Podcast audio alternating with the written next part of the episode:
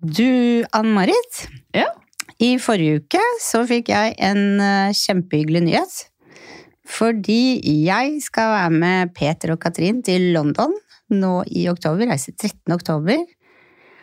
Eh, og Så da skal gøy! Vi, vi skal heie på han på Visionary Award og Alternative Hair Show, for han er nominert der. Er det sant? Eh, ja, og du vet hvor glad jeg er i Årets frisør, og dette er jo 10-100-gangeren. Kan jeg være med på FaceTime? Men veit du hva min første tanke var, bortsett fra at jeg må skal heie? Nei. Hva er dresscode? Hvilke kjoler skal Ja, jeg ha? Hva skal jeg pakke? Hvilke sko? Liksom, ja, for man vil jo være representativ. Ja, klart det! Og, og så, søren, for opplevelse. Så Ja. utrolig gøy. ja, Ja. Så det ja, Nå ble jeg misunnelig, Ja, det visste jeg var derfor jeg ville ta den først. Nei, det, du skal, jeg skal prøve å facetime litt inn på Messi sammen med deg. Ja, Kan gjør det. Ja. Kan vi gjøre det? Absolutt, jeg lover. Ja, ja takk.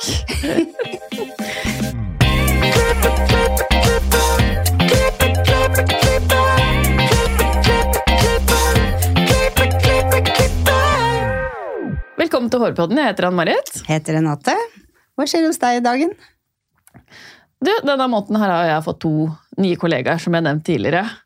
Og jeg bare har reflektert over hvor heldig jeg er som har fått liksom tre stykken på så kort tid. Og de er så flinke og dyktige og Nå kan jeg endelig liksom snakke litt sånn frisørprat bak, på bakrommet. Mm. Det er bare Ja, så takknemlig for akkurat de to kom til meg. Jeg måtte bare si det. Og det skjønner jeg, men Ja. du vet at det har jo ikke noe med at du er heldig å gjøre. Det har masse jobb. Du har jobba masse for å oppnå der du er i dag. Ja, det er men- ikke tilfeldig at de har søkt jobb hos deg. Ja, det er snilt, tusen takk. Men som vi har snakka om i podden her flere ganger, hvor få frisører det er igjen i bransjen vår, så er det to så flinke som kommer til meg. Oh my god. Ja, Kjempetakknemlig. Du fortjener det. Takk. Men hva med deg? Jo, min uke har vært veldig spennende. Jeg har både vært på Session Stylist nest siste gang. Hvor ofte er du på det? Nei, det er ikke så ofte. Det er én gang i måneden. Nå skal jeg ha Det er ganske ofte, da. Ja, jo, men det er ikke ofte. Nei, jeg kunne gått flere ganger i uka. Ja. men, eh, men eh, så skal det være graduation, så det surrer litt i bakhodet. Men det, det, der er- har jeg en plan. Og så har jeg vært på sommerfest med på året. Det var jeg på lørdag, og det var kjempegøy. Så gøy. Og Fest er alltid gøy. Ja, og vet du hva? Jeg var med på VM i service. Ja. Ok. VM i service. Ja, og okay. det var faktisk sånn at vi hadde sånn serveringsbrett med beerpongglass. De, papp- du vet, de plastglassa. Mm. Ganske store, som var satt opp i en pyramide. Og så skulle vi gå forbi sånn vindmaskin. Og komme helskinna gjennom med glass og servere det til Peter. Så det var eh, Vi kom på andreplass. Ja, dere gjorde det, ja? Ja, jeg vant Ja. min runde, du veit. Konkurranseinstinktet mitt. Det kicka inn.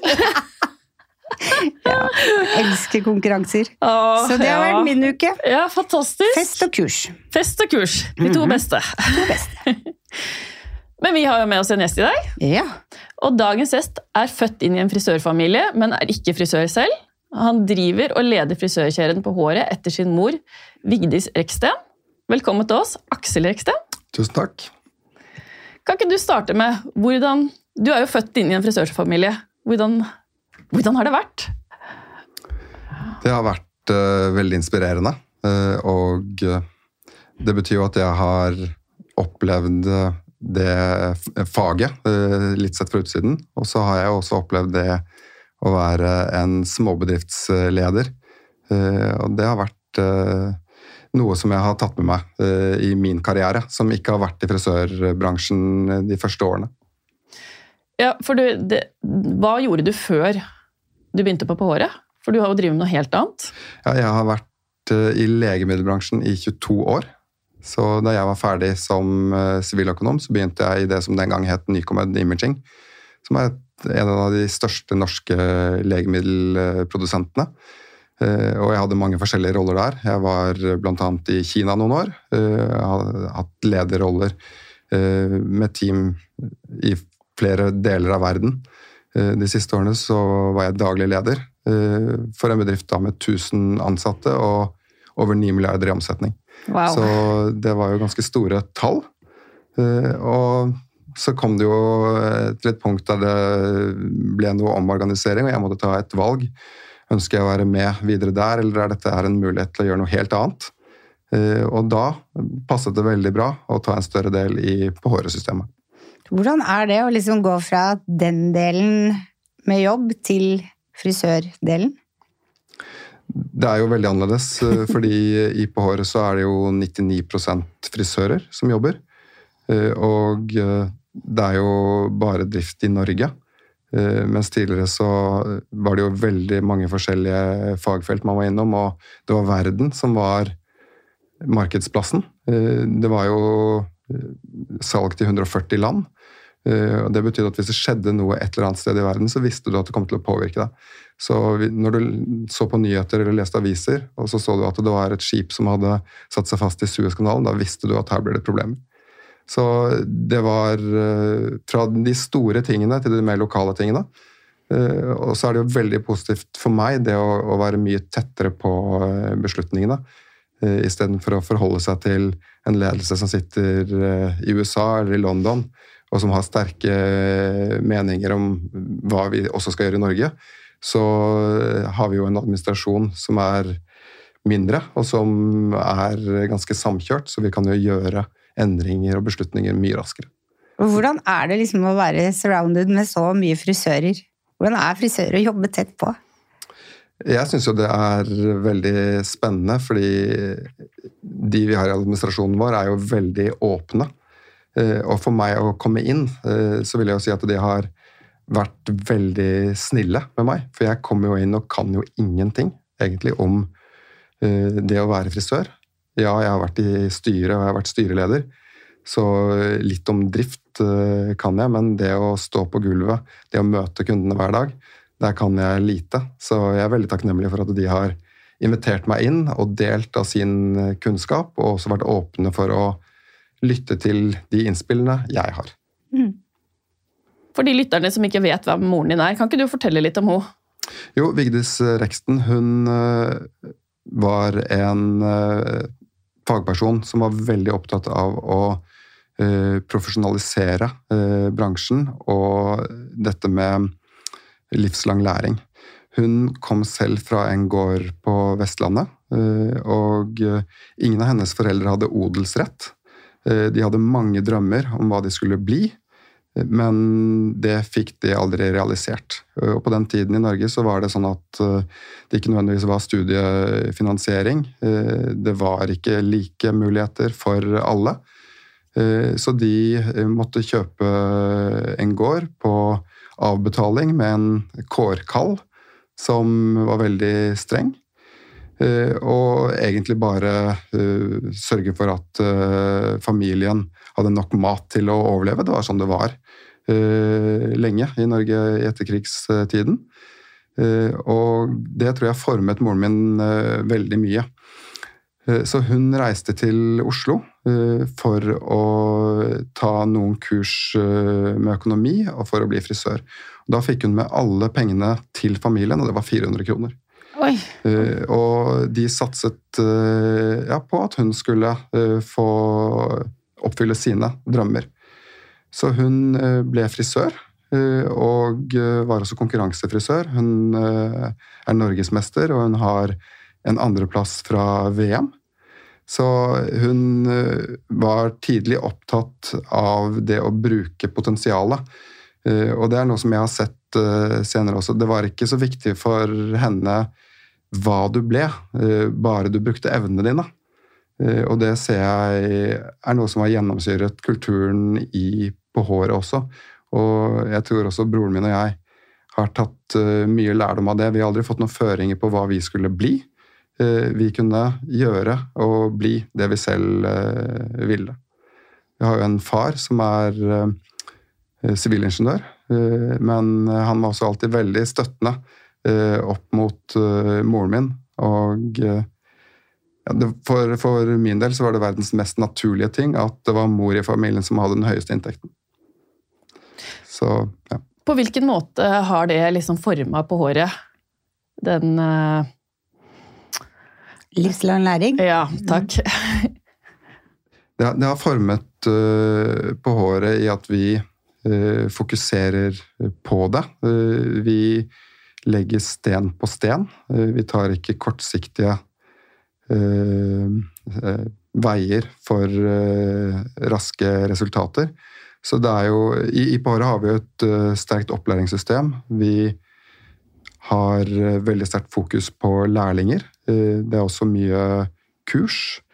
Eh, og eh, vi har til og med et eh, fond som heter Vigdisfondet.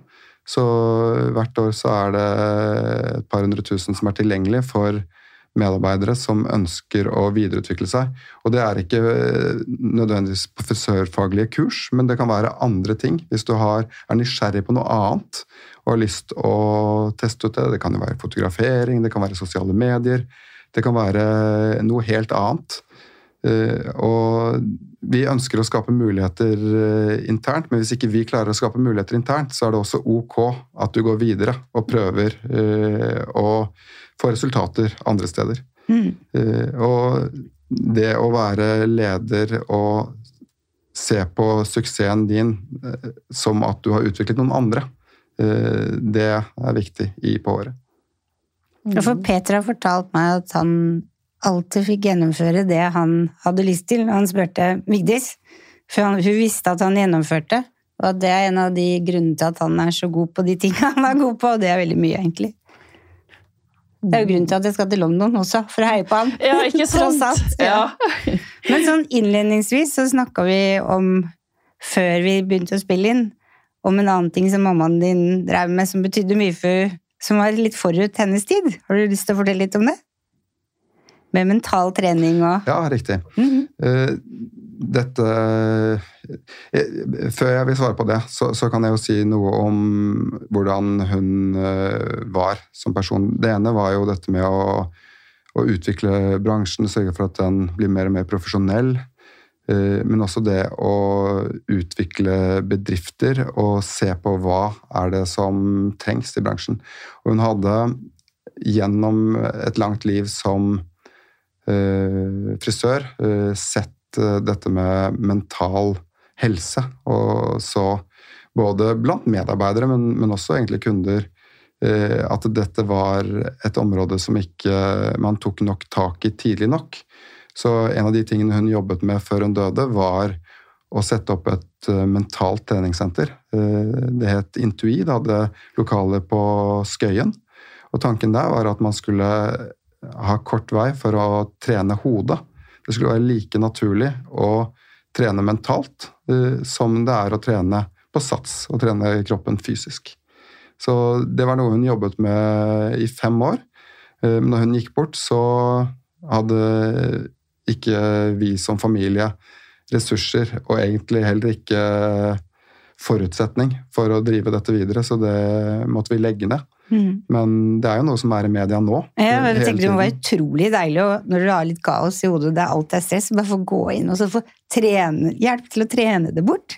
Og sortere det og få det, få det sortert, ja. Så det var nok litt forut for sin tid eh, der. ja. Ja, Hvilke tiår var dette her, da? Dette var jo på 2000, eh, 2000-tallet, ja 2010, etter 2010. Ja, ja Så det hun virkelig forut for sin tid. Ja, I Ja. 2013. Mm. Eh, Hun, eh, hun var på en konferanse, og så fikk hun hjerneblødning. Så hun døde egentlig momentant. Eh, Så det var en stor omstilling. Men ja, det var tidlig. Mm. Jeg bare tenker på altså hun, den annen ting som jeg har opplevd at hun var litt tidlig med, og det var det å, å utvikle kjede. På en måte at du hadde én butikk, så ble det flere, og så ble det flere. Og så fikk man lov til å kjøpe seg inn i kjeden og drive franchise også.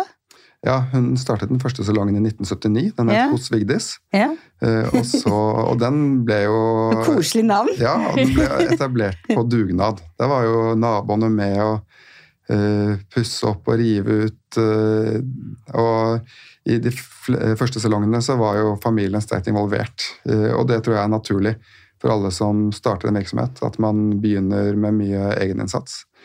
Eh, Etter hvert så åpnet hun en salong til eh, i Vika som het Hair Design. Og så kom den første salongen som het På håret eh, i Dale i Sunnfjord. Og det er den kommunen som hun kommer fra opprinnelig. Og det var da tanken også ble etablert om at dette kunne bli noe større. Så da var det jo en sammenslutning. Det var flere andre frisørbedriftseiere som eh, ble med og la inn sine salonger, eh, og så ble det en kjede. Eh, og etter hvert så utviklet man jo eh, flere salonger, eh, både egeneide salonger, men også i en litt løsere tilknytningsform eh, som en franchise. Så i dag så har vi både heleide salonger, vi har deleide salonger, og vi har franchisetilknyttede salonger. Men hvordan var det var hun? holdt jeg på å si? Var det at hun tenkte at ja, nå skal jeg bygge dette her så stort, eller blir liksom veien litt til mens man går? Er hun liksom visjonær, eller skjønner Jeg tror eh, veien eh, ble litt til. Jeg tror hun så at det var muligheter, og det var jo på den tiden også andre frisørbedrifter som etablerte kjeder. Eh, Så jeg tror at det var tanken om at hvis man er flere og større, så kan man få til mye mer sammen. Mm. Eh, Og det er jo noe man ser i dag også, at det å stå alene, eller kanskje ha det er en bedrift og så har du noen få ansatte, hvor sårbar man er eh, hvis det skulle skje noe, eh, både med sykefravær eller, eller andre ting. Det å da ha et større system som kan hjelpe hverandre, at det var gunstig. Mm. Men sånn som du og broren din vokste jo opp med en mamma som var arbeidskvinne. Hvordan var det? Ja, eh, hun var alltid eh, opptatt. Det var sjelden hun kunne se på TV. Eh, så jeg opplevde at hun alltid var opptatt, og jeg opplevde at hun alltid var tilgjengelig for meg. Og jeg har egentlig bare gode minner fra oppveksten der. Og hun var veldig flink til å prioritere. Og jeg så også det da jeg etter hvert fikk barn. Det å være bestemor var noe hun elsket å være. Og det å kunne hente på skolen, det å komme hjem og være med og spise middag, det var ting som hun eh, prioriterte. Så eh, det var men, men jeg opplevde også at det var eh, selvfølgelig krevende tider. Det å være bedriftsleder, det er jo ofte ganske krevende. Både sånn arbeidsmessig, men også finansieringsmessig. Eh, Alle de prosjektene hun har gjort, har hun jo finansiert ved å pantsette sitt eget hus. Så eh, tre ganger vet jeg at uh, moren min og faren min pantsatte huset for å få lån. Uh, For å få lån så må du jo ha sikkerhet, og sikkerheten det er, det er huset ditt. Så da legger du alle sparepengene og hjemmet ditt i potten uh, når du skal utvikle noe nytt. Og det gjør jo også at jeg har veldig stor respekt for de som starter selv, de som faktisk tør å ta den sjansen. Eh, Og jeg tror ikke det er eh, flaks som gjør at du lykkes, jeg tror at det er hardt arbeid over tid. Det er i hvert fall det jeg har erfart fra, fra moren min. At det var, det var lange dager, det var mye arbeid. Eh, Men det var også gleder og, og mange muligheter. Og jeg opplevde også at hun hadde en innstilling om at hun ville ha med og knytte til seg de riktige folkene. Og tidlig så kunne jeg spørre moren min hvorfor eh, gir du fra deg dette? Eh, men hun så aldri på det å invitere andre inn som eiere, eh, at det var noe trussel. Hun så heller det som en forutsetning for å bygge noe større. Eh, og den dagen da hun eh, døde, så så vi jo det. Eh, Da husker vi faren min og, broren min og jeg, reiste inn på kontoret der administrasjonen til PH-ere var. Og alle var jo selvfølgelig sterkt eh, preget av at gründeren var borte helt plutselig. Men det var jo samtidig et team som hadde eh, De var klare til å, å ta over. De var klare til å drive det videre. Eh, og det var en fantastisk lojalitet som var der. Og fordi de hadde vært involvert i driften, eh, så visste de jo veldig mye eh, om hvordan det skulle gjøres. Så vi opplevde jo at eh, dette er en stor grunn til at livsverket til min mor kunne drives videre. At eh, hun ikke hadde prøvd å holde alt for seg selv, og at hun faktisk hadde involvert personer som betydde mye for henne, og personer som hun visste kunne tilføre bedriften noe. Og, det er noe som jeg har tatt med meg senere også i min lange karriere utenfor. eh, det å faktisk se, se større på det, og eh, at det å være eh, litt raus og, og gi andre muligheter, det betaler seg veldig godt etter hvert. Høres, beklager, altså. Jeg blir helt, helt Ja, satt ut. jeg Jeg triller tårene. Det høres jo helt fantastisk ut. Så Det er jo litt sånn vi har lært underveis, at gode ledere de fremmer andre. Og vil gjerne ha folk rundt seg som kanskje er bedre på ting, og fyller de hullene man ikke kan sjøl, og så deler man. Mm, Være raus. Ja, å være raus. Vi hørtes Ja, den største suksessen er jo når noen som jobber eh, med deg eller for deg, faktisk lykkes. Mm. Det er jo det lederrollen er. Man vil samme veien. Mm. Mm. Ja, et- helt fantastisk historie. Ja. Men Vurderte du noen gang å bli frisør? Eller broren din? Eh, Jeg skal ikke snakke for eh, broren min. Han, han valgte faktisk nøyaktig samme vei som faren min. Begge er sivilingeniører og jobber med bygg og anlegg og vann og avløp. Så det er veldig sånn spisset uh, fagfelt. Mm. Uh, men uh, for, for min del så var det ikke det at jeg valgte bort noe, det var heller det at jeg hadde en spesiell interesse for økonomifaget. Og jeg tror, jeg tror også moren min inspirerte meg til det. Eh, Fordi den delen jeg så fra henne, var jo ikke det at hun var frisør i en salong. Jeg var jo ikke der hver dag. Det jeg så, det var diskusjonene rundt middagsbordet.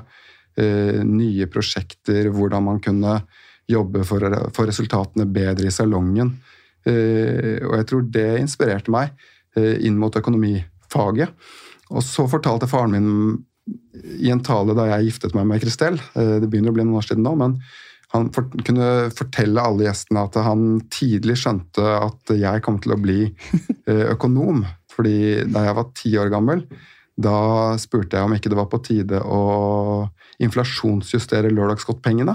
Vi hadde lenge fått syv kroner til lørdagsgodt, og jeg mente at det var på tide at det økte til ti kroner fordi det hadde vært prisstigning. Eh, og han smeltet jo selvfølgelig fullstendig, og vi fikk ti kroner. Ja. Eh, Så jeg tror han så at eh, økonomi var noe som lå nært for meg. ja. Det var i genene dine. Det lå nok noe der. Ja.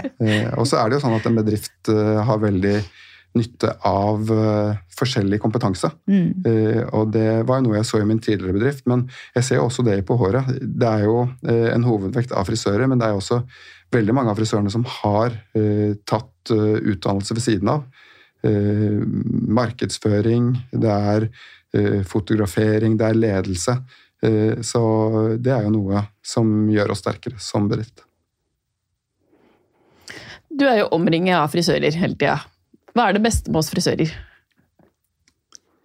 Jeg vil si at eh, det at dere gjør folk glade, det er jo helt fantastisk.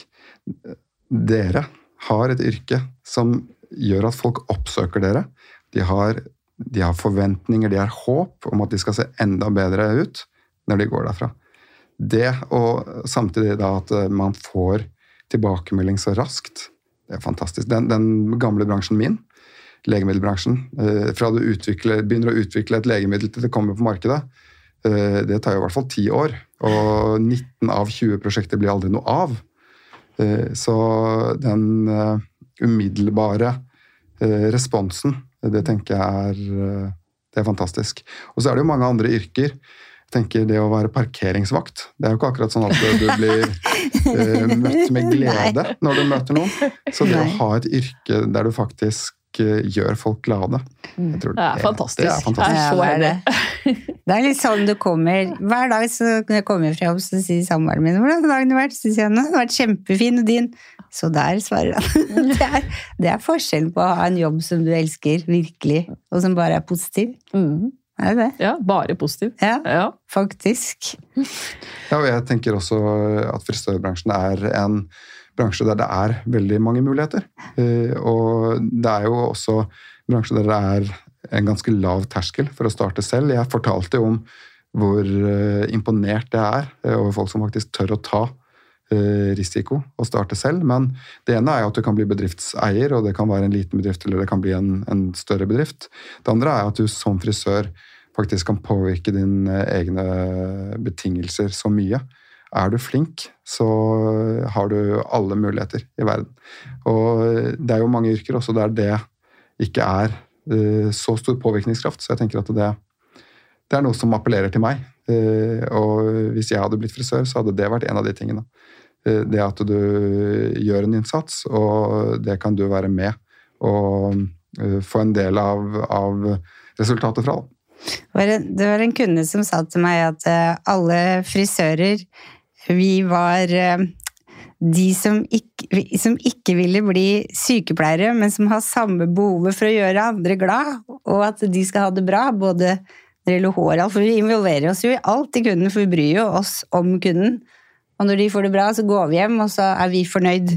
Men vi har ikke lyst til å gå på sykehus og sette sprøyter og vaske og sånn, men vi vil gjøre de vakre, da. Så jeg syns egentlig det var en veldig fin beskrivelse. Ja, jeg er enig i det. Har du en morsom historie du vil dele fra jeg har lyst til å si karriere, men eh, frisørlivet? Jeg kan jo Da må jeg tenke meg litt om. Um, Jeg har jo blitt fortalt dette av uh, Eller fra moren min, uh, og det Jeg vil si at jeg har begynt uh, tidlig som servicemedarbeider også i frisørbransjen uh, da jeg ble født. Det var jo på midten av 70-tallet, så var det ikke så utviklet dette med barnehage og barnehageplasser og permisjonsregler. Så, og, og alle mine besteforeldre eh, bodde jo på Vestlandet. Så det var ikke noen som var tilgjengelig for å eh, drive med barnepass. Så moren min hadde jo med meg i salongen. Og da jobbet hun hos fru Hansen på Stabekk. Eh, Og der kravlet jeg rundt på gulvet. Eh, Og plutselig så kommer det et skrik, og da har jeg bitt en kunde i leggen. Så eh, jeg har smakt på frisørbransjen tidlig, kan jeg si. Fantastisk! Hvordan tok den kundene? kunden det? Jeg har hørt at det gikk helt uh, greit. Ja. Ja. Så Den kom tilbake. jeg tror det. ja. Vet du, eh, bransjen, vår- bransjen vår den er jo blitt veldig digitalisert. Hvordan har det påvirka året? Jo, det påvirker jo på mange måter. Men før jeg vil svare på det, så kan jeg jo også ha en betraktning om at den er blitt digitalisert, men tenk dere andre bransjer som har blitt borte pga. av digitalisering. Så jeg er jo veldig takknemlig for at det er digitalisering, for jeg tror det bringer oss videre. Men for noen år siden så hadde jo hvert eneste kjøpesenter minst én platebutikk. Nå eksisterer det jo ikke lenger. Ja. Og de har blitt borte pga. digitalisering. Eh, Jeg ser at vi har muligheter. Eh, Og hvis jeg skal se på, på håret, så ser jeg jo at eh, vi ikke har gjort det enkelt å være kunde hos oss. Eh, Det er et mylder av forskjellige eh, behandlinger. Eh, Her er det masse potensial til å gjøre det enklere. Og det er noe vi jobber med, og det kommer en ny nettside om ikke så lenge, der vi tar tak i akkurat det. Og så er det jo dette med netthandel. I På håret så har ikke vi noe stort fokus på netthandel, men det har jo betydd at det har kommet andre aktører til som har tatt en del av markedet. Eh, Det kan virke som om den store omveltningen har stabilisert seg litt. Det blir spennende å se hvordan det blir fremover, men det er klart det har åpnet opp for andre aktører. Men jeg tenker at det ligger muligheter her rundt eh, konsultasjon, eh, rundt eh, bruk av sånne sånne chattebotter og teknologi generelt. Men i bunn og grunn så må vi jo få kunden inn for å få en servicebehandling. Og jeg tror også i den verden vi går i der mer blir digitalisert, det å faktisk ha et sted der du kan oppsøke og få menneskelig kontakt, at det blir viktigere enn eh, noen gang. Eh, Og jeg tror kunder vil velge å bruke tid, som de kanskje kaller for egentid. Det å oppleve velvære, det å ja, få eh, den berøringen fra noen som vil at du skal se bra ut. Jeg tror det blir bare viktigere fremover. Så jeg er veldig optimistisk. Det er selvfølgelig utfordringer i bransjen, men jeg tror eh, digitaliseringen vil gjøre oss bedre.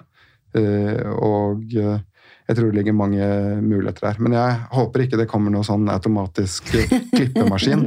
Så, sånn at du bare kan sette deg inn i en boks, og så går det et minutt, og så er du ferdig klippet. Nei, En sånn fantastisk vakker robot som bare Ja. svinger saksa. Ja, Og, og jeg er helt enig med det du sier, og et sted må vi faktisk møte mennesker. Mm. Og jeg tenker frisøren blir vikt, veldig viktig, som du sier, i fremtiden. Ja. Vi opplever jo det at det er også kunder som kommer innom egentlig for å få en god hodebunnsmassasje. Mm. det å få det avbrekket i hverdagen. Men, men vi kan jo se litt tilbake til historien. Hva er det som har skjedd? eh, Og det har jo skjedd mye. Jeg tenker Det var en stund at det å ha dusj hjemme, det var ikke vanlig. Eh, Så da gikk jo mange kvinner kanskje til frisøren en gang i uka, fikk vasket håret, fikk lagt det. Og så skjedde det en revolusjon økonomisk, eh, man fikk bedre infrastruktur, og så plutselig så falt det markedet bort. Det, har- skjedd ting, eh, og vi skal jo være våkne og følge med, eh, sånn at vi ikke blir ja, tatt på senga og utmanøvrert. Enig. Jeg tror, eller i hvert fall håper jeg, at yrket vårt er en av de yrkene som ikke noen kan ta fra oss. Og så, vet, Jeg var jo med på den når nettbestilling kom, og det syns jeg egentlig var litt deilig. For da slapp man å løpe av telefonen like mye, så man kunne Kanskje man hadde 20% mindre telefoner, da. Det er jo fint. Og så er det veldig fint når kunder har med seg inspirasjon på sosiale medier. Det gjør det litt lettere enn å bla masse i blader, sånn tidsmessig.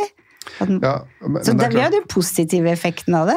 ja, og så gjør jo det noe når kunden kommer og har store forventninger fordi de har søkt seg fram til et resultat de ønsker, og hvordan vi skal møte det. Eh, Det er jo ikke alltid det er realistiske forventninger. Eh, Så vi møter jo kanskje enda mer kravstore kunder. Ja, det, Eh, Så, så det blir, blir spennende, men det skjerper oss. Da får vi bare lyst til å få mer kompetanse. Så det er, det er positivt. Da må vi på kurs. Da må vi på kurs, og- og så er det positivt i forhold til å være leder. For at du slipper alt det papirarbeidet og kjøpe frimerker og poste og sørge for at det kommer fram riktig dag. Og du kan sende alt på nett. Det syns jeg er hyggelig. Mm, enig. Veldig enig. Men den kundebiten, den vil jeg helst gjøre sjøl. Ja, ja, for det gjør det enklere til at vi kan ha enda mer Fokus på kunden. Ja, ja, Så yte bedre service. Jeg tror jeg har 80% nettbestillinger. Det er veldig få som ringer eller kommer innom. Alltid noen. Så det er jeg veldig, veldig takknemlig for. Mhm. Mm. Hvem er din frisørhelt? Der må jeg jo svare moren min. Selvfølgelig. Det, og det er eh, I, i, i GA mens jeg jobbet der, eh, så var jeg på masse lederkurs. Eh, Men det meste om ledelse vil jeg si at jeg har lært fra moren min. Så hun har inspirert meg, hun har motivert meg, og hun har formet meg eh, i stor grad. Så eh, ja. Så dette med, med respekt, eh, det med tillit til eh, andre, eh, det å ja, tro det beste om folk, det var jo noe som var viktig for henne, og som jeg prøver å bruke og lære eh, litt hver dag. Fantastisk. Du fortalte litt sånn før vi begynte på den, om det å tro det beste om folk. Du hadde en uh, idé om hvordan det var for mammaen din. Har du lyst til å dele det med lytterne? Det blir jo litt personlig, men Ja. jeg, kan jo, jeg kan jo prøve, i hvert Ja. fall. Uh, og noe av det som jeg opplevde, det var jo at eh, hun uh, ga mange muligheter og hadde veldig stor tiltro til veldig mange. Og så var det veldig ofte at det gikk veldig bra, og så var det noen ganger at det gikk dårlig.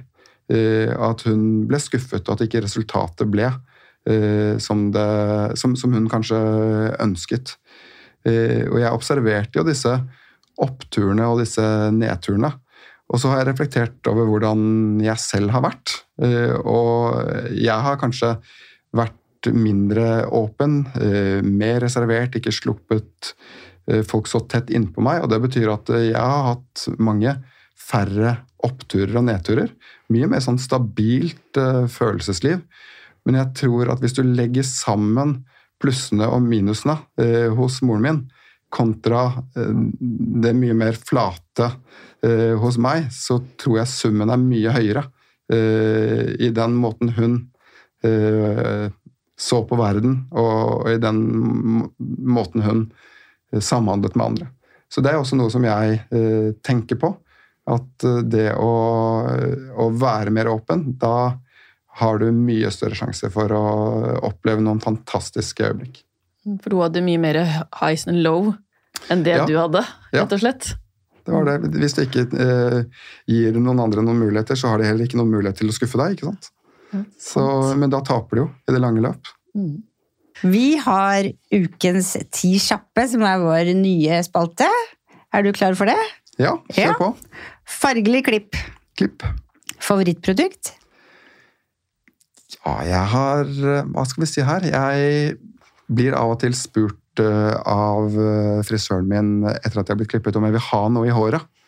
Og jeg pleier å si nei, fordi jeg vil ikke ha noen sånn klissete greier. Jeg liker å ta meg selv i håret og så ikke måtte vaske meg på hendene etterpå. Så jeg er veldig glad i styling gel fra Horologi. Wow, så bra! Det så jeg ikke komme. Ikke jeg heller. Det var gøy. Langt eller kort hår? Kort hår. Sjokolade eller chips? Må jeg si sjokolade? Jeg er veldig glad i smågodt. Ja, Du får lov til å si smågodt. Så hvis det går inn under sjokolade, så er det det det blir. Ja. HM eller Holsweiler?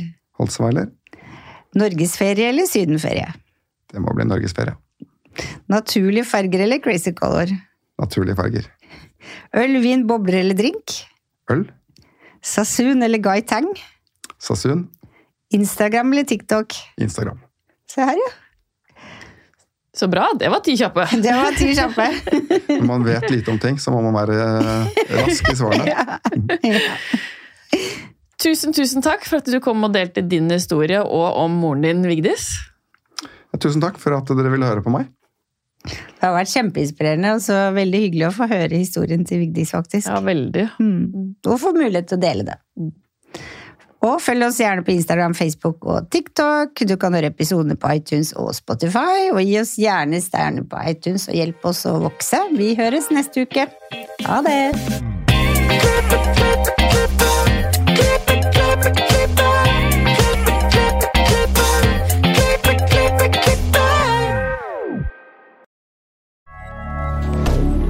Moderne media. Har du et enkeltpersonforetak eller en liten bedrift? Da er du sikkert lei av å høre meg snakke om hvor enkelt det er med kvitteringer og bilag i fiken, så vi eh, gir oss her, vi. Fordi vi liker enkelt. Fiken superenkelt regnskap.